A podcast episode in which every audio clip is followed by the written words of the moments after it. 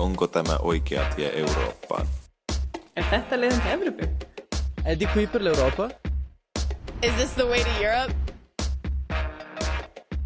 Der findes et lille bit land langt ude i Himalayas bjerge, hvor man har taget klimaforandringerne rigtig seriøst.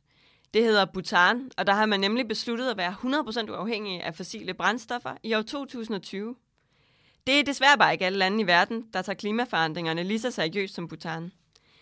Hvis alle verdens lande var lige så ambitiøse, så ville der måske nærmest ikke være nogen klimaforandringer. Nej, og så vil der måske heller ikke være det her program. I dag, der skal vi tale om EU's klimamål for 2020, og vi kommer selvfølgelig også til at tale rigtig meget om det klimatopmøde, som netop er i gang i Paris.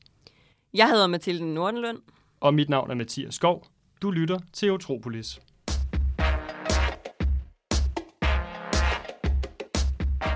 Om lidt skal vi høre om, hvordan det går med EU's klimamål. Men først vil vi lige introducere dig for EU's repræsentant i forhandlingerne. Det er nemlig den spanske klima- og energikommissær Miguel Arias Cañete. Og de fleste af os kan jo godt huske den danske klimakonny, Connie Hedegaard, som indtil sidste år var klimakommissær i EU. Det er hun ikke mere, for nu har Cañete overtaget posten. Og i det her klip fra sidste år, der kan du høre ham sige, hvilken rolle han mener, EU skal have på klimaområdet fremover. And climate change needs a leader. And the leader for the fight of climate change is the European Union. And we have been leaders steadily from Copenhagen in all the summits we have been leaders. And we must be the leaders up to Paris and, and convince other people to go along us. It's very easy to say, others no do nothing, I do nothing. Things don't move. Temperature raise. Catastrophe will happen. Ja, han får jo også lige nævnt COP15 i København, hvor han åbenbart mente, at EU viste sig som den store leder. Det kan man så diskutere. I det hele taget kan man diskutere, om Cañete har vist sig at være den leder, han selv efterlyser. Han har nemlig en fortid i oliebranchen, og i dag sidder han søn i bestyrelsen for et stort spansk olieselskab, og han svoger er direktør i to olieselskaber.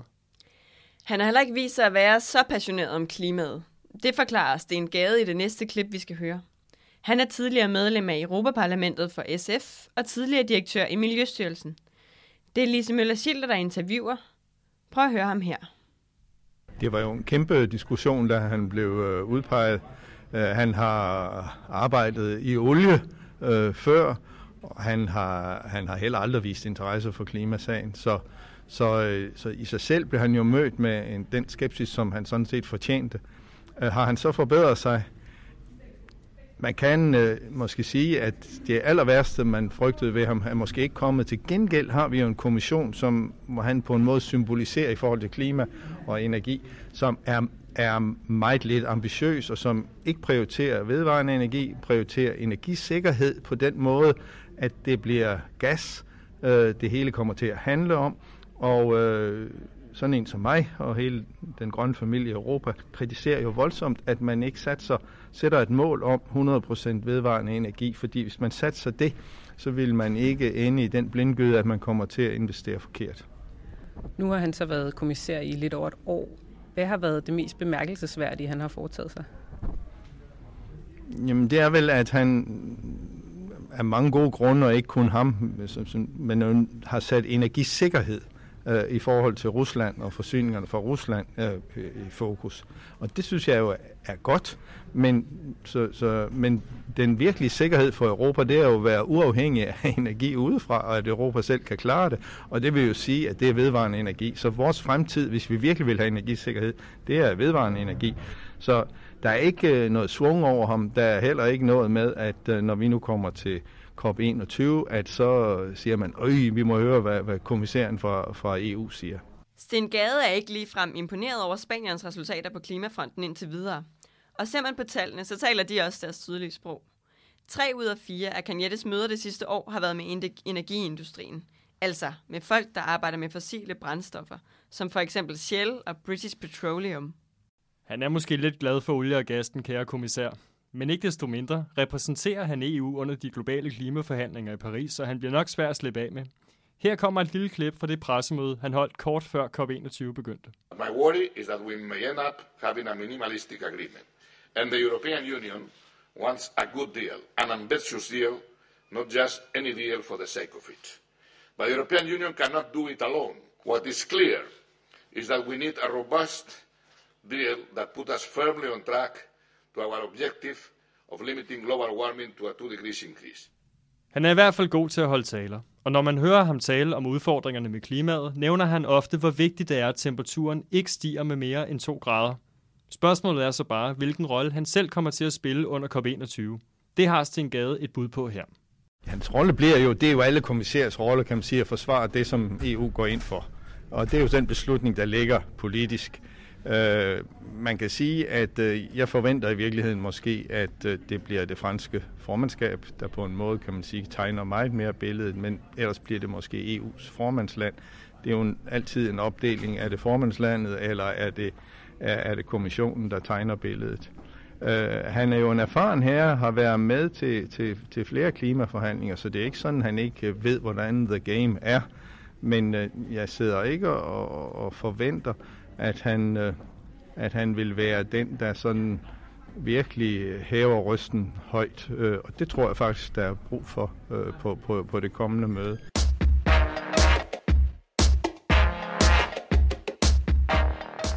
Vi hører tit, at EU er i front på klimaet, men lad os lige få sat tal på klimaambitionerne.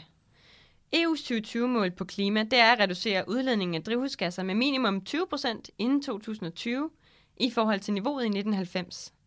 Og i samme periode, der vil EU øge brugen af vedvarende energikilder med 20%. Og hvordan går det så med de mål? I 2013 lavede European Environment Agency en vurdering, der viser, at EU godt kan nå målene inden 2020. Nogle lande halter bagefter, andre er foran, men samlet ligner det faktisk, at det lykkes. Men selvom det går fint med målene, så er de slet ikke ambitiøse nok. Det fortæller Troels Dam Christensen, der er koordinator for 92-gruppen. Det er en gruppe, som samler 23 klima- og udviklingsorganisationer, som arbejder for en bæredygtig udvikling. Jeg har talt med ham over Skype for klimatopmødet i Paris, hvor han lige nu både observerer og forsøger at præge politikerne. Samtidig rapporterer han tilbage til journalisterne, som ikke må være med i de lokaler, hvor forhandlingerne foregår. Vi synes stadigvæk fra NGO-siden, at, at de mål, EU stiller op, er ikke stærkt nok. Altså lige i øjeblikket har EU for eksempel et, et mål om at reducere sit drivhusgasudslip med 20 procent i 2020, altså 2020, det vil sige om fem år. Ikke? Det er et ret lavt mål i forhold til, hvad videnskaben siger. Videnskaben siger sådan set, at på det tidspunkt, der burde EU have reduceret mellem 25 og 40 procent. Så selvom EU måske nok ligger i, i, i en af de forreste af de store lande, kan man sige, i, i verden, så er det stadigvæk langt fra nok. Og derfor er vi sådan set ikke tilfredse med EU's egne mål. Vi mener, at EU bør gøre mere. Og EU bør også gøre mere, når det drejer sig om finansiering. I øjeblikket er det sådan i forhandlingerne, at EU generelt, øh, øh, ligesom mange af de andre rige lande, prøver at undgå at snakke om finansiering, fordi de ved godt, at det er det, EU-landene er interesseret i. Og så længe man kan vente med at snakke om det, så kan man ligesom forhandle og bruge det som en forhandlingstip til sidst, når man skal indgå det, det samlede kompromis. Og det er en ret farlig strategi at vælge, fordi det betyder, at EU-landene har en tendens til det her at sige, jamen så venter vi også, så kan vi ikke gå ret langt, så længe vi ikke ved, hvad vi kan regne med af finansiering, der skal hjælpe os med selv at, at, at gøre noget ved klimaproblemet. Sidste år blev de europæiske lande faktisk enige om at sætte nogle nye større mål for 2030. I de nye mål har EU's lande blandt andet lovet hinanden at sørge for at udlede 40% mindre drivhusgas. 2030-målene er også blevet kritiseret for at være for uambitiøse. Men som vi nævnte, så er EU jo kun en lille klimasvindler i det globale regnskab. Faktisk så udleder EU kun 13 procent af hele verdens CO2. Og når hele verden mødes, er det heller ikke gået så godt med at få reddet klimaet. Næsten hele verden er jo med i FN's klimakonvention fra 1992. Der har de forpligtet sig til at forhindre klimaforandring, og derfor mødes de hvert år til en såkaldt COP. Det er en forkortelse for Conference of the Parties. Og det er sådan en, vi holder nummer 21 af i Paris lige nu.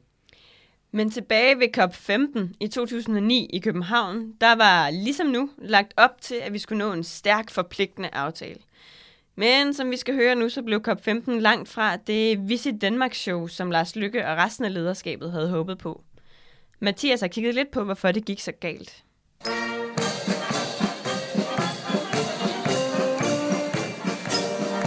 We haven't presented a text from the presidency.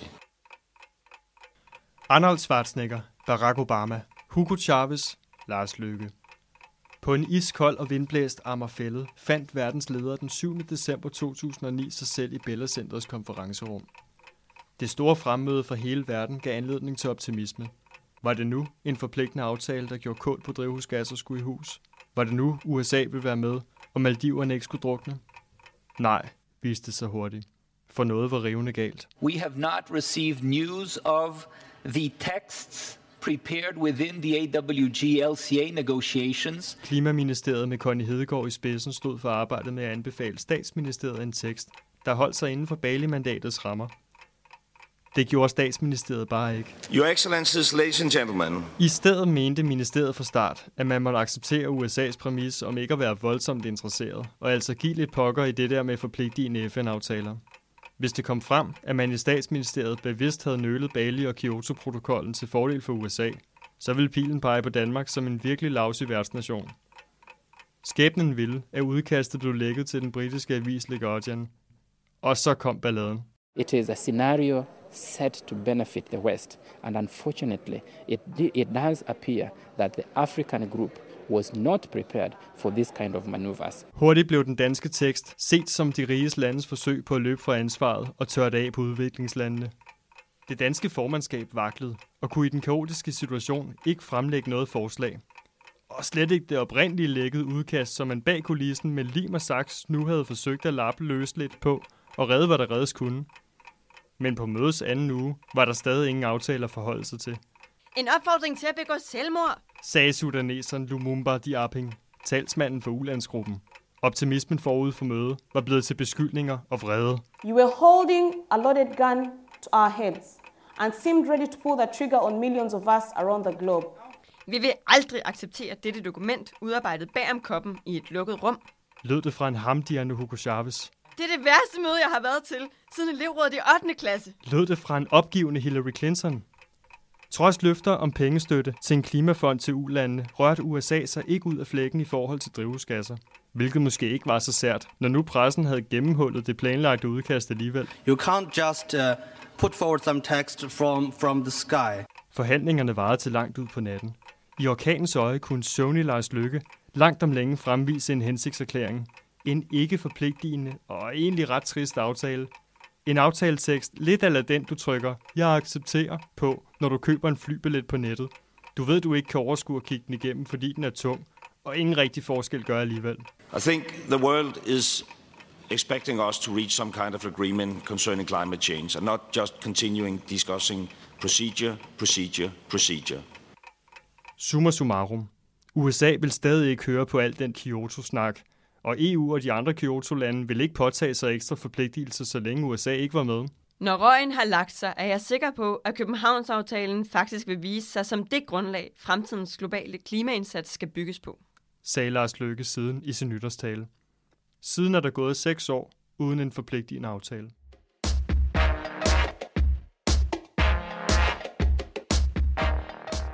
Så bliver det jo spændende at se, om Lars Lykke får ret den her gang, og om COP15 virkelig har lagt det grundlag, der gør, at man kan nå en ambitiøs aftale i Paris.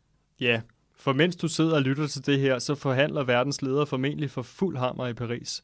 Tidligere hørte vi fra Trolsdam Christensen fra 92-gruppen om EU's målsætninger og manglen på samme. Ifølge ham, der er det stadig de lande, der ser ud til at blive hårdest ramt af klimaforandringerne, der har de mest ambitiøse mål i forhandlingerne. Der er jo ingen tvivl om, at de lande, der er mest sårbare, det er for eksempel sige de små østater, som jo er i risikozonen for at blive oversvømmet, og bliver det sandsynligvis desværre. Øh, de kæmper jo benhårdt for, at man holder et stærkt ambitionsniveau, at man faktisk gør noget. De holder for eksempel fast i, de mener, at, det, at, det, at den globale temperatur faktisk ikke må stige mere end halvanden grad, og ikke to grader, fordi de mener, at de allerede går under, hvis den stiger til to grader. Det er der meget, der tyder på, at de vil. Så de er, er, er, har, har selvfølgelig et, et kraftigt incitament til at have et højt ambitionsniveau. Øh, og, og det er nok nogle, så er der andre sårbare lande, som nogle af de afrikanske lande for eksempel, som er i stor risiko for at blive ramt meget hårdt af tørke. De vil også være meget interesserede i at få en, en god aftale. Så det er nok nogle af de lande, der man kan sige agerer mest progressivt og fremadrettet i, i forhandlingerne. Vi håber jo, at, at EU og Danmark vil bygge alliance med de her progressive EU-lande om at presse alle de andre til at hæve deres ambitionsniveau. Altså, i øjeblikket er det desværre meget, der tyder på, at Kina og USA kommer til at lægge niveauet som to store lande. Ikke? Øh, og det vil ikke være tilstrækkeligt. Så der er simpelthen behov for, at EU og Danmark skaber en alliance og presser øh, de her store udledere til at hæve deres ambitionsniveau. Ellers så bliver aftalens ambitionsniveau øh, ikke tilstrækkeligt overhovedet.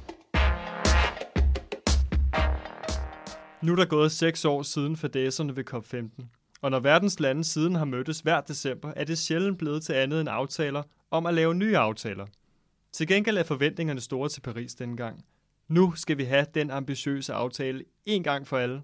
Ja, men det jeg bare ikke rigtig helt at kunne forstå, det er altså, hvad betyder så præcis en ambitiøs aftale?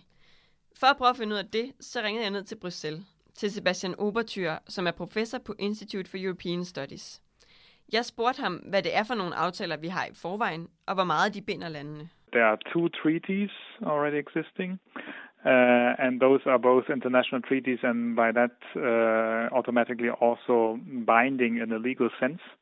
So that's the UN Framework Convention on Climate Change from 1992 and the Kyoto Protocol from 1997. Uh, so there are treaties, um, international treaties, but that does not mean that each and every provision that they contain would actually also bind parties in a particular way, because there can be very uh, voluntary kind of uh, wordings in, in, in the treaty, um, and you find those in those two treaties, um, both of that. We have a, a, third agreement, if you so wish, and that is the Copenhagen Accord and the Cancun agreements of the year thereafter. And those are not treaties. Um, so those are not uh, legally binding international instruments, instruments of international law. Um, so there are definitely nothing in that uh, can be considered binding international uh, law.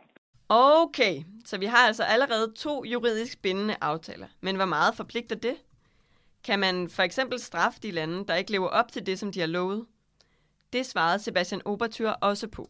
Um, if we now come to the specifics, then at least the Kyoto Protocol has um, something that's called a compliance mechanism. That is a mechanism where there is um, real consideration of any cases that may emerge where there is a question whether countries uh, comply with their obligations and where there are also measures that can be taken uh, by the committee that is the core of that compliance uh, mechanism that, that checks whether countries actually comply with their obligations. Uh, and there are certain measures that they can take. Um, they can, for example, exclude countries from the participation of international emissions trading uh, and other market based mechanisms. And that has already in the past uh, proven quite powerful. Can you give me an example? Uh, yes, uh, there have been like six or seven countries in front of the committee uh, because there were questions regarding their compliance not with the emission reduction obligations but with their reporting obligations. So, in, in a number of these cases, um, they were suspended from the participation in these mechanisms and were afterwards very, very quick and actually uh, complying with their reporting obligations again, so that those sanctions could be lifted after a relatively short while, that is, after half a year or a year. Sebastian Obertyr, han siger altså her, at bindende aftaler kan lægge pres på de lande, der har skrevet under, så de retter ind, hvis de bliver indkaldt for komiteen. Landene makker ret, hvis de bliver udstillet over for de andre lande. Og som I kunne høre, så mener han faktisk, at det er ret effektivt. Men en direkte straf, det har traktaterne ikke.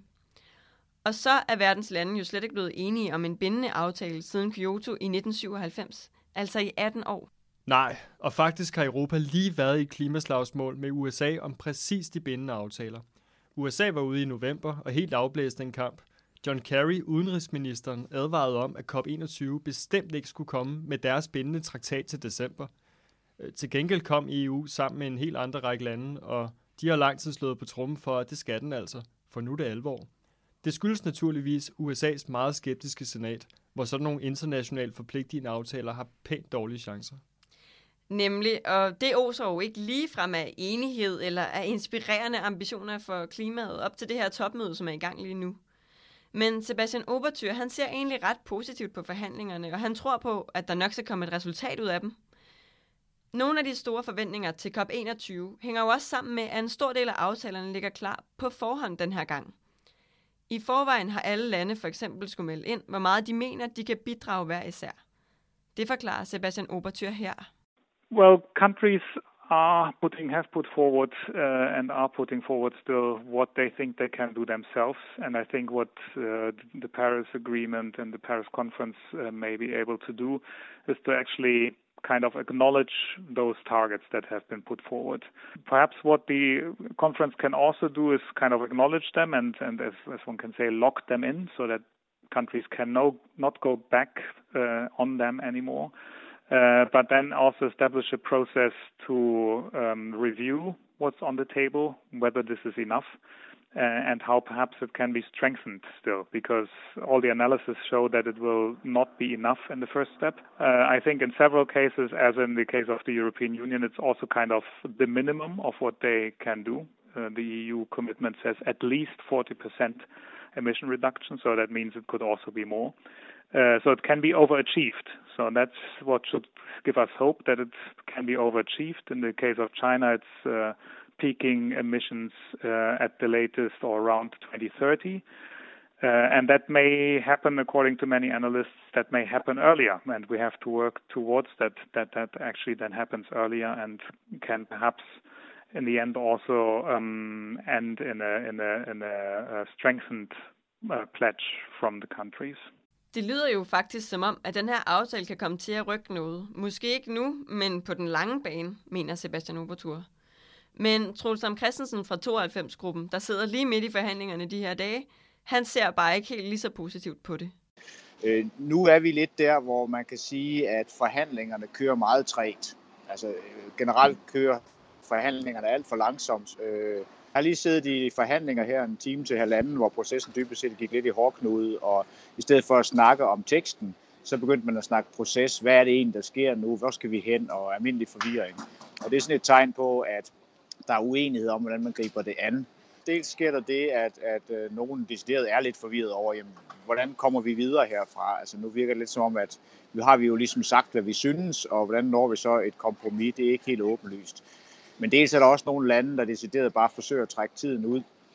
Og så på den måde er der nogen, der har en interesse i, at så længe tiden går, så når man ikke ret langt i forhandlingerne. Der er desværre nogle lande, der er ikke er interesseret i, at man skal komme ret langt.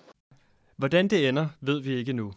Men det sker inden for de næste par dage, hvor vi ser, hvilken slags aftale verdens ledere kan blive enige om. Onsdag den 9. slutter forhandlingerne, og på fredag den 11. december skal Paris-aftalen ligge klar, så den kan blive underskrevet af de forskellige lande i begyndelsen af 2016.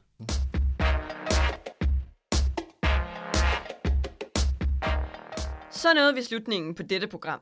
Mange tak, fordi du lyttede med. Du kan finde resten af vores programmer i serien om EU's 2020-planer på befood.dk, på iTunes og på SoundCloud.